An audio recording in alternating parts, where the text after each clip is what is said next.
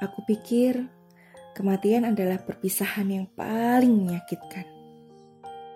Aku tidak menyangka bahwa berakhirnya sebuah hubungan juga bisa semenyakitkan ini. Aku yang terbiasa dengan kamu harus kembali menerima kenyataan bahwa tidak ada lagi yang memberi ucapan selamat pagi dan selamat tidur. Tidak ada lagi yang bertanya, "Bagaimana hari ini?"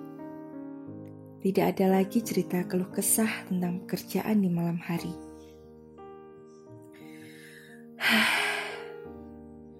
Ternyata begini rasanya perpisahan. Sudah lama sekali sejak patah hati terakhirku waktu itu. Ternyata sakit ya. Ketika ketemu denganmu, aku kira aku tidak akan merasakan patah hati lagi. Waktu itu, kamu seperti obat pereda rasa sakit yang begitu manjur. Sekarang, kamu sudah bahagia dengannya. Dan aku di sini masih sibuk menyembuhkan luka. Gak apa-apa kok, aku gak apa-apa.